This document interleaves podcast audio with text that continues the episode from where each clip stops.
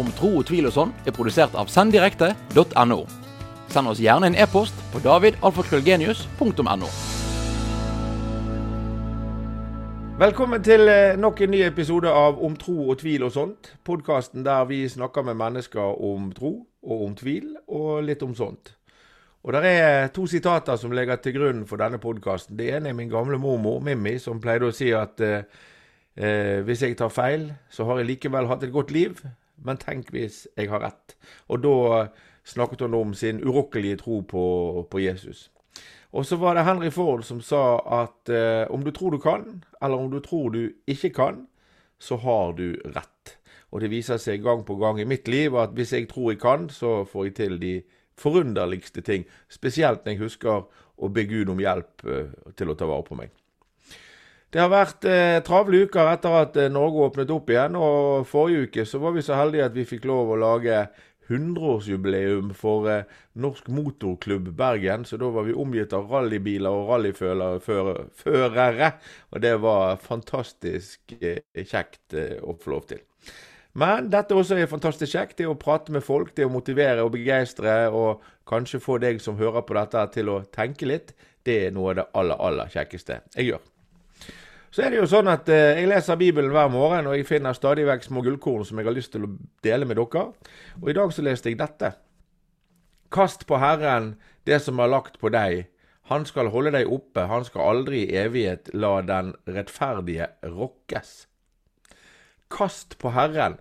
Dette her er en salme, og det var altså kong David som skrev eh, mange av salmene. Og i den tiden da kong David levde, så var jo det hest som var hovedfremkomstmiddelet. Og da pleide man å si at man kastet på en hest når man la salen på den. Eh, og det som symbolsk kan menes her, er at å gå ved siden av en hest og bære på en sal, det er jo bare unødvendig, og det er jo tungt. Så det er mye bedre å kaste på hesten den salen og det teppet og den lasten som du bærer, sånn at hesten kan bære det som er tungt. Og sånn er det jo med Gud. Hvis Gud går ved siden av meg, og det tror jo jeg at han gjør, så kan jeg altså kaste på han alt det som jeg ikke klarer å bære.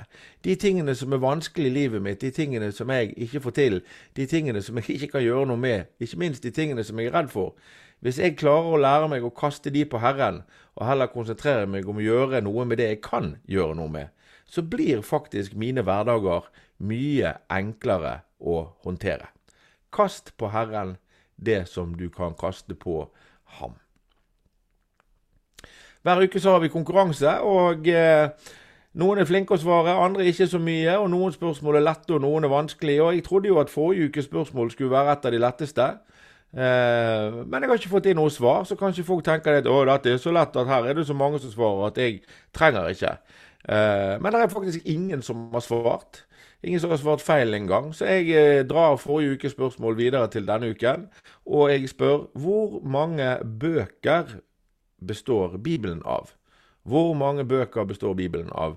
Og jeg kan si at hvis du svarer at Bibelen er én bok, så er det feil. Hvor mange bøker er det i Bibelen? Vet du svaret på dette, så sender du en e-post til davidalfakrøllgenius.no davidalfakrøllgenius.no. Der kan du selvfølgelig også sende ris, ros og kommentarer og forslag til gjester og hva som måtte være. Det er det noen av dere som har gjort, og det syns jeg er veldig, veldig spennende. Så er det jo dette med å lese i Salomos ordspråk hver dag. 3000 år gammel visdom som er like eh, nyttig i dag som han var når han ble skrevet den gangen. Og i dag har jeg, eh, så har jeg plukket ut eh, Salomos ordspråk vers, unnskyld, kapett, kapittel 10, vers 9. Og der står følgende Den som vandrer uklanderlig, vandrer trygt. Den som går krokveier, blir oppdaget. Biskopen sa det, og jeg sier det, og det er kanskje den retteste måten å si det på. Hvis Gud fins, så er det jo sant alt som står i boken. Og hvis Gud fins, så har han skapt universet. Og hvis Gud fins, så er han den samme fra evighet til evighet. Fra alfa til omega osv. Og, og det betyr at da ser Gud alt. Så hvis det er sant det som vi tror på, at Gud er evig, og han er allestedsnærværende, og han ser alt, da ser han også det som foregår inni hodene våre. Da ser han tankene våre. Da nytter ikke det å be med høy stemme om alt mulig rart og være from på utsiden, og så driver du med masse greier på innsiden, og så tenker du at ja, det gjemmer jeg meg, det, det oppdager ikke Gud. For Gud, han, han ser alt. Han hører alt, han kan alt, han vet alt, han kjenner alt. Og da er det en fantastisk øvelse eh, som har vist seg med mange mennesker jeg har snakket om. Når du lærer deg å være helt ærlig med Gud, så lærer du deg også å være helt ærlig med deg sjøl, og være helt ærlig med de rundt deg. Og da blir livet så fantastisk mye lettere å leve. Og hvis vi da slår det sammen med det bibelsitatet fra før i sending, at du kaster på Gud det du ikke klarer å bære, og at du passer på å være sannferdig i all din fremferd, da har du egentlig i de to bibelversene hele oppskriften på å få til et godt liv. Og så er det ingen som sier at det er lett. Det står ingen steder at i det øyeblikket du velger å bli en kristen, så er livet en dans på roser de tingene som jeg snakker om her, er jo kanskje noe av det aller, aller vanskeligste man gjør i hele livet. Men eh, når du står bak her Uten handling skjer ingenting, og du må begynne. Du må begynne å tørre til å gi deg over til å tro, hvis du skal få til å gjøre noe ut av dette. Det begynner på innsiden av hver og en av oss. Det begynner med å stole på Gud. Det begynner med å tørre å gi seg over til Gud. Og så må vi være ærlige med Gud, og ærlige med oss sjøl, og ærlige med de rundt oss. Og da har vi kommet så langt at vi skal ta imot ukens gjest.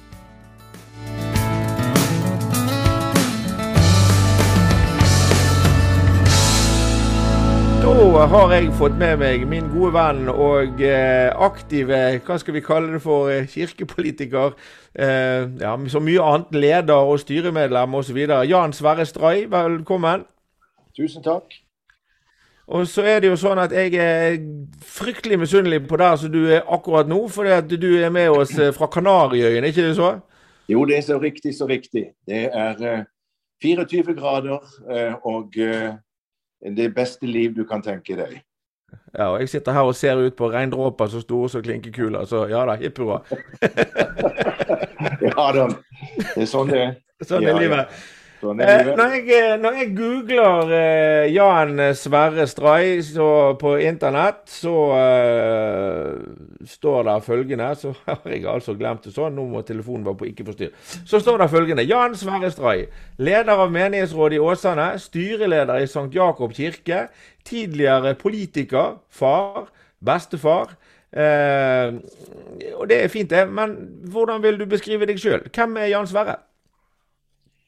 Altså, Jan Sverre er en eh, litt pensjonist, hm.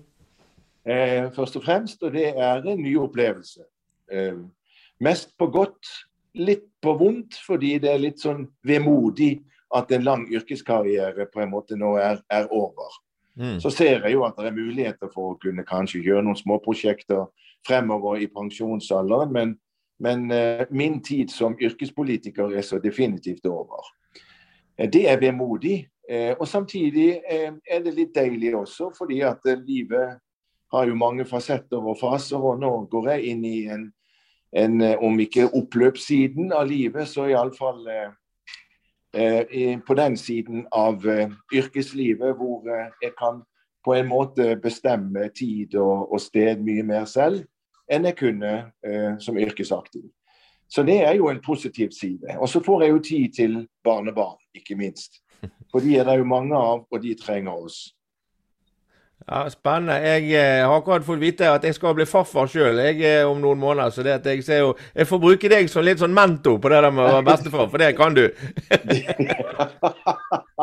ja, det tror jeg kan si.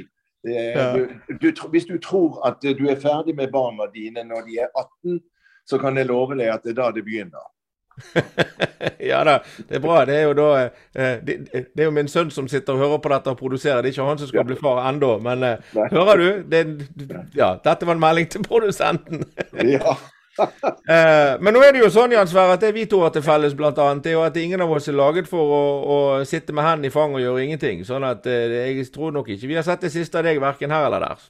Eh, og, og du, er jo, du, er jo, en aktiv mann på kirkefronten spesielt. Du er både leder av menighetsrådet i Åsane, og du er styreleder i St. Jakob. Um, og Det betyr at du har en del med kirkelige mennesker og handlinger og kirkerom å gjøre. Men hvordan står det til med ditt forhold til Gud? Mitt forhold til Gud er, er ganske stabilt. Det har det vært hele livet. Mm. Jeg har jo vokst opp i et, uh, på Sørlandet. da, det, Med en gang det nevnes, så får jo folk visse assosiasjoner uh, om trangsynt og, og bibelbelte og alt dette. Men, men jeg vokste opp i en veldig glad Eh, eh, sånn, Det var en veldig glad tro eh, og, og et godt kristenliv. Selvfølgelig ikke fullkomment. Det var en vanskelig tid å vokse opp med adiafra-spørsmål og alt dette. Ikke kunne gå på kino, ikke kunne strikke. og Plystret du høyt på en søndag, så var det galt. Altså, det var mye rare ting, sånne tullete ting, som mm. heldigvis eh, vi er blitt ferdig med eh, stort sett. Det henger vel noe igjen i noen dype kroker og daler der nede. Men, men allikevel, det er stort sett ferdig, og det er bra. Fordi For meg handler eh, troen om eh, og forholdet til Gud at han har skapt meg både med ånd, sjel og kropp. Altså Det er eh, det totale bildet av oss som mennesker.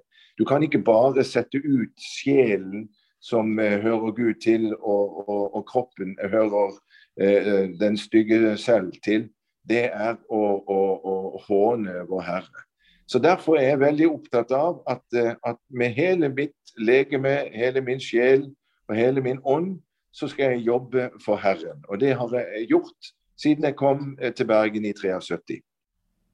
Og Da er det jo litt uh, interessant, uh, fordi at du Som du sier, du er vokst opp veldig på Sørlandet der ingenting var lov. Og så kommer sørlendingen til Bergen, blir aktiv eh, i kirken på mange fronter.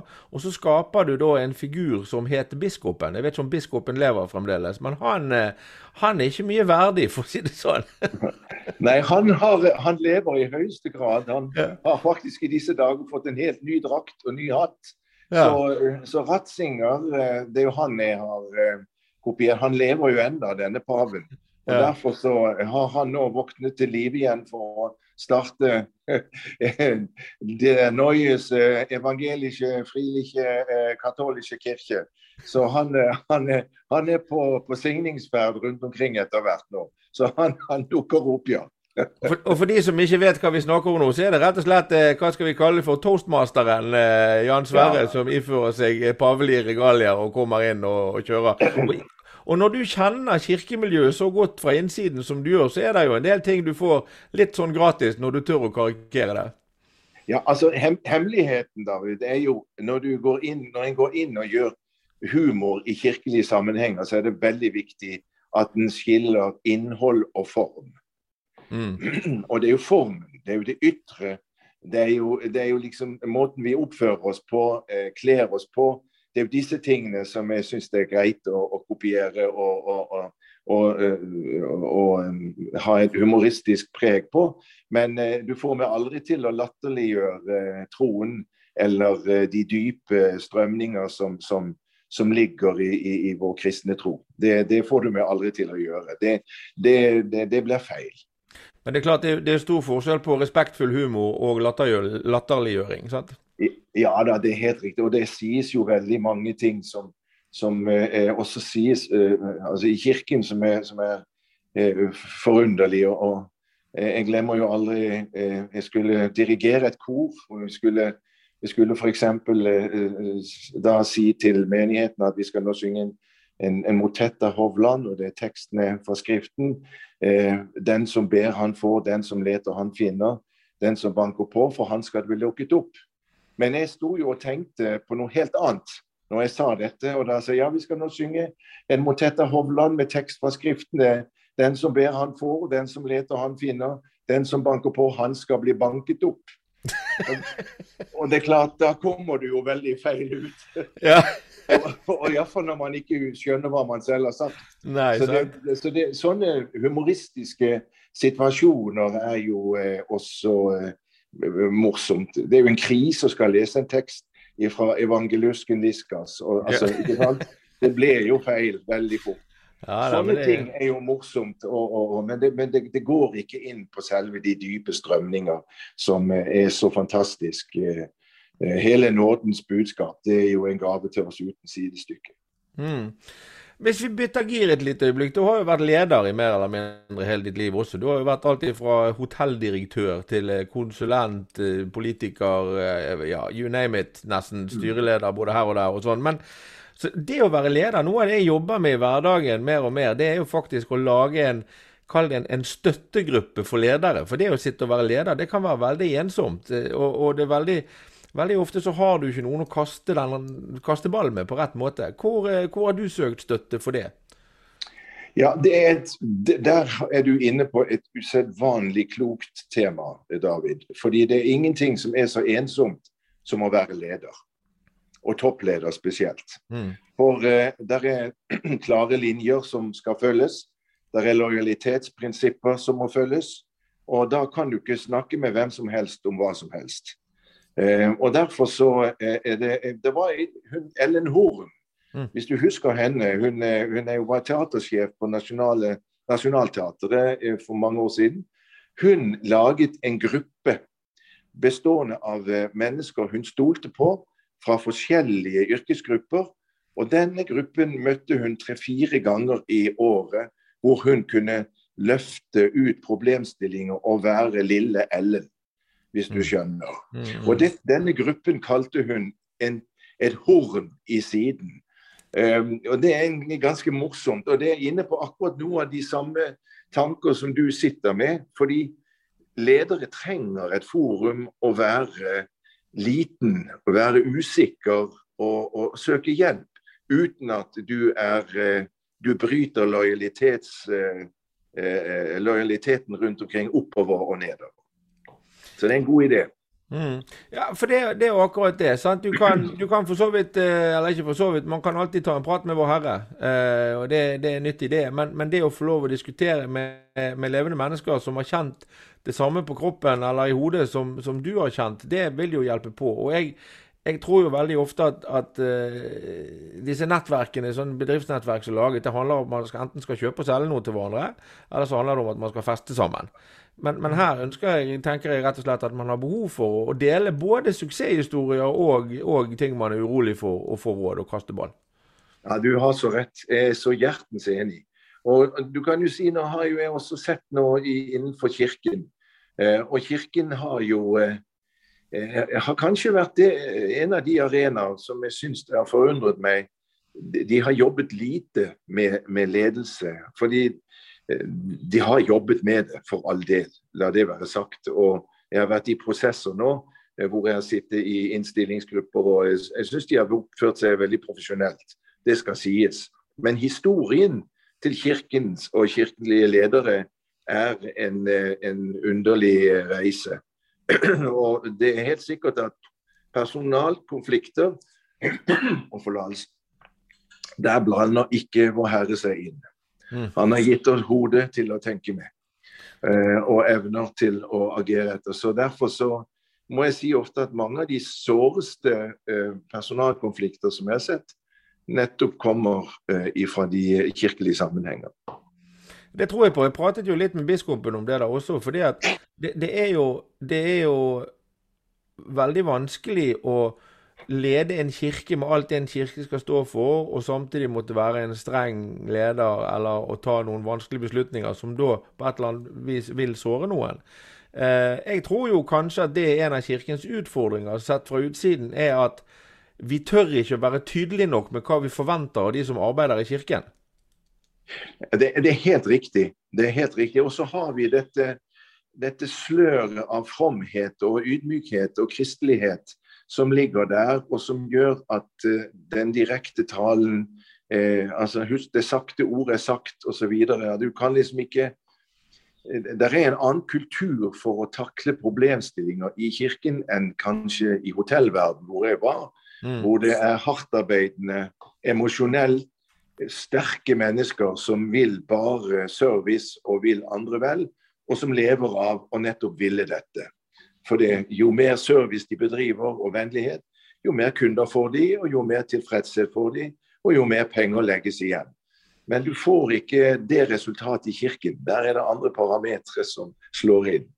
Er man kanskje også litt for, litt for flink, i og, med, i og, med, akkurat det der med at man er redd for den vanskelige samtalen, så er man litt for flink til å snakke om istedenfor å snakke med?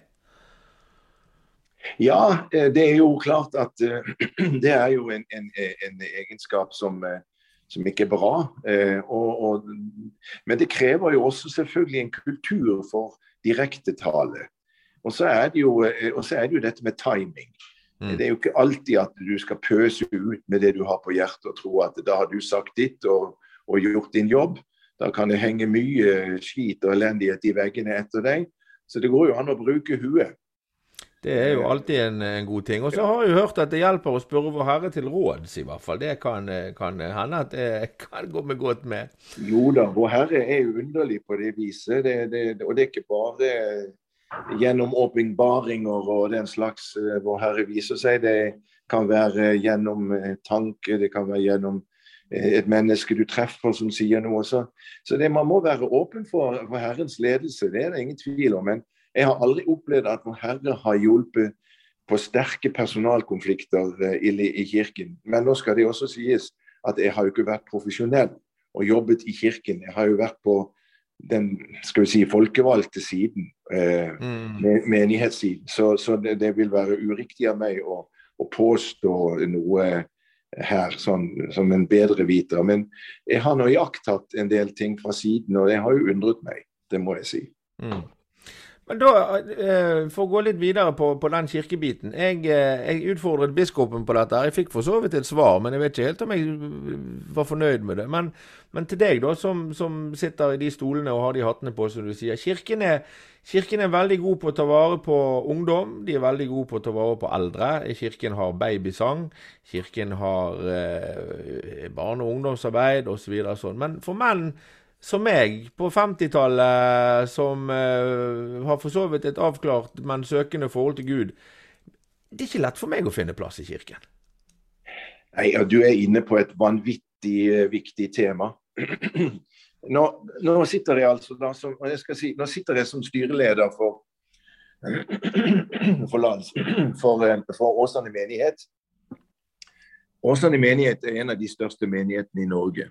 Mm. Uh, og eh, på gudstjenestene så har vi jo erkjent og uh, sett at hvis vi nå skrur tiden frem 15 år, så vil det ikke være mange igjen på gudstjenestene. For da vi, har vi mange av oss kanskje flyttet et annet sted. Mm. og det, det, er jo det som er det skumle med rekruttering. At man ikke klarer å, å appellere til, til alle aldersgrupper. Ehm, eh, jeg har jo sjøl barn som er eh, glad i Vår Herre, men eh, de er ikke spesielt glad i gudstjenesten klokka 11. Og så, Derfor så er det et, noe vi jobber kolossalt med ute i Åsane. Og skal prøve nå å, å, få, å finne nye metoder, nye veier å gå, som gjør at vi kan fange opp denne generasjonen din, og kanskje enda yngre. Mm. Og så har vi, Hvis vi da reiser til byen, så ser vi jo at uh, i St. Jakob der er det akkurat motsatt. Der er det jo en enorm tilsøkning uh, av, og tilstrømning av studenter. Der er 1000 unge mennesker fra 14-15 og opp i noen og 20 innenfor, disse, innenfor veggene i St. Jakob hver uke. Hm. På forskjellige tilstelninger. Eh, på forskjellige klubber, kor, lese, middag, altså lesesal, samtalegrupper. Det er et gudstjenesteliv på søndagskvelden som er veldig sterkt og veldig, veldig gripende. Og som jeg tror ville appellert til deg. Mm. Og som appellerer til meg også, fordi jeg liker det moderne tonespråk. og jeg tror nok kanskje at vi må også se at hvis vi gjør en analyse av, av gudstjenesten, så er så er jo gudstjenesten for det første den er jo veldig, Det er liksom skrevet i sement og stein at den skal begynne klokken 11. Det er jo ikke nødvendig. Unge mennesker de, de sover til ti, og gjerne til elleve. Og så har man en sen frokost, og der røk den gudstjenesten mm. for barna. ikke sant? Så da må jo også spørre seg Kirken de må jo også tilpasse seg visse strømninger i samfunnet, uten at man må endre på innholdet nødvendigvis. Men man kan jo tenke at kunne det være andre tidspunkt på døgnet f.eks. en søndag eller en annen ukedag som passet bedre for denne, for denne aldersgruppen. Mm. Det er klart Pensjonister de kommer gladelig klokken 11 de, på søndag. Mm. Og så har de dette med tonespråket, som er uh, veldig uh, utfordrende for uh, en del yngre generasjoner. Orgelet er jo på mange måter et, en museumsgjenstand. Mens jeg som er jo av alle ting, så må jeg jo si at jeg er jo musikkutdannet. Det er jo det som er min utdannelse. Mm. Så jeg har jo vokst opp med klassisk musikk eh, og orgelmusikk. Og jeg har vokst opp med TenSing og band og, og, og grupper og, og, gospel nights og all verdens eh, tonefølge. Så jeg har et ganske bredt nedslag i det. Jeg må bare få lov til å kremte litt her. Må, jeg må få lov til å si at jeg har fått eh, bli glad i veldig variabel og variert eh, skal vi si, musikkuttrykk. Så for meg spiller det ikke noen rolle om det er orgel eller om det er band som spiller. Det gjør meg bare glad. Bare det fungerer og, og sangen er god, og man merker at tekstene når inn. Men her er det mye, fordi organistene våre som utdannes, kantorene, de er først og fremst eh, utdannet til orgel. Mm. Eh, du får sjelden en, en, en kantor til å bli bandleder i en kirke. Det er det helst andre som gjør. Og kanskje eh, TenSing-ledere eller TenSing-orkesterledere opp igjennom som har kunnet gått inn og gjøre slike ting. Eller de, I dag kommer de jo fra kulturskolen. TenSing har jo utdannet eh, de fleste orkestergravene i Norge. Uh, hvis du ser der, så De fleste som sitter der, har en eller annen bakgrunn fra TenSing-bevegelsen. Det er ganske sterkt. Så vi snakker altså om eh, ganske dype kulturelle uttrykk når det gjelder musikk. Og det kan nok også ha noe å si, tror jeg. Det må vi tørre å si. Mm. Tørre å prøve å ta inn over oss. Og det, da må man knuse noen egg for å få en god eggedosis. Ja, det er klart at, at eh, Jeg tenker jo at hvis du, hvis du, er et par og 20 år gammel i dag og søker deg inn på kirkeorganistutdannelse, da er, du, da er du nok ganske konservativ i utgangspunktet og opptatt av historie og klassisk musikk. Og, da, og de som har en sånn brennende lidenskap for, de, for, det, er det kanskje ikke akkurat så lett å, å rocke. Nei, men det er ikke mange av de. Nei, det er jo et annet problem. At kirkeorganistutdanningen blir jo omtrent nedlagt. For det er jo nesten ingen som søker seg dit lenger. Ja, eller da kommer de fra utlandet. Ja, ja, sant.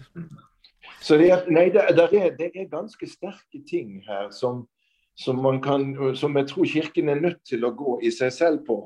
Eh, fordi at verden dreier seg ikke rundt gudstjenesten klokken 11 en søndag for de aller fleste. Dessverre. Jeg har, en utfordring, har en utfordring til deg, Jan Sverre, som vi kan eh, plukke opp når du kommer hjem. Men eh, du kan få en her og nå på strak arm. Ikke, det, det, kom til meg akkurat nå. Men kanskje vi skulle prøve å få til i Åsane kirke en eh, paneldebatt om akkurat det vi snakker om nå. Hva kan vi gjøre for å gjøre Kirken mer attraktiv for voksne mennesker? Og der du kan være med, og jeg kan være med. Vi kan invitere biskopen.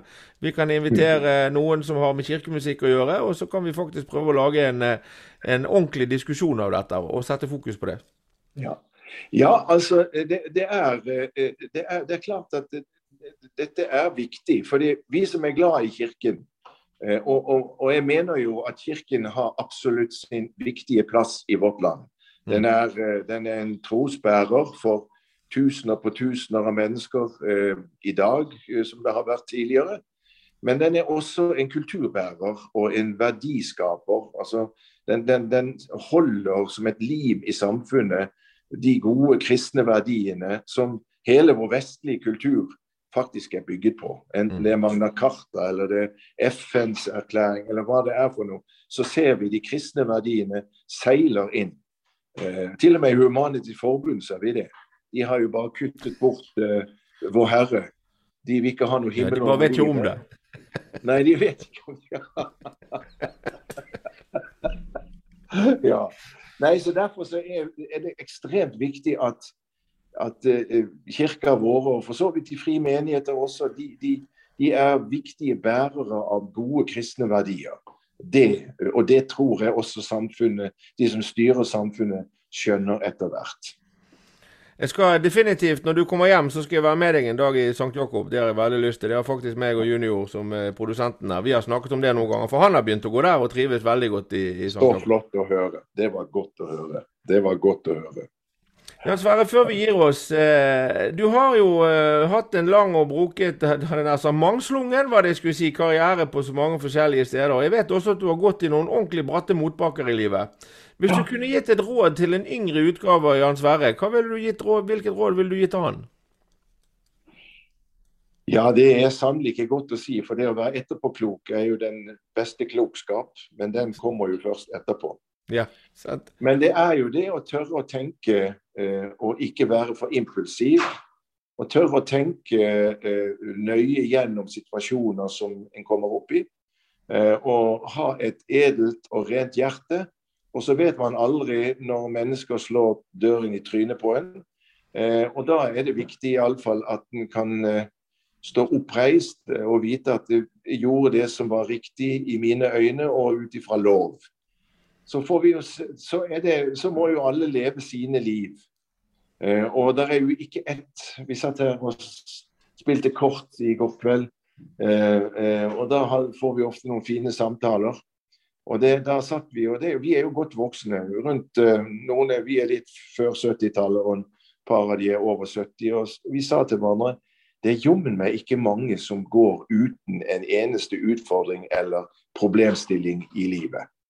De aller fleste, hvis ikke alle, får en eller annen trøkk som ikke var påtenkt, og som blir eh, vanskelig for dem. Mm. Og det tror jeg er kanskje det viktigste. At en må ikke tro at selv om en er 45 eh, og ikke har hatt en eneste motforestilling i livet, så må en ikke tro at det blir slik til en eh, døende dag. En må være forberedt på at alt kan skje, og da må en ha et nettverk av gode venner, en god familie. Du må ha noen som kjenner deg, og så må du ha troen. Og det vil jeg si at når motgangene kommer, så er troen virkelig den beste og sterkeste bærebjelken. Og det har jeg opplevd sjøl. Jeg har opplevd tøffe tak. Og da har jeg opplevd Vår Herre konkret komme til meg og sagt Jan Sverre, frykt ikke, vær ikke redd, jeg er med deg. Ja. Konkret. Det er sterke ting. Mm. Så det er noe som alle Noe som vi må bare vite og ta med seg at Vår Herre er godt skjult av og til, men når det virkelig røyner på, så skal jeg love deg at da, når du kaller på Han, så kommer det i en eller annen form. Ja, Fantastisk. Eh, Det er fine ord å avslutte på. Litt sånn, eh, litt sånn artig humoristisk vri her på slutten. Eh, Det er ikke ofte jeg snakker med en menighetsrådsformann som starter historien med å si 'Vi spilte kort i går'. Ja, ja og jeg kom til kort. Det skulle de visst, det skulle de visst på Sørlandet! Ja, nei, nei, det går fint, vet du. Det går fint. Ja, Vi er veldig vi er ikke så veldig kristeliøse, men vi har en sterk tro. Ja, å, fa fabelaktig godt sagt. Tusen takk.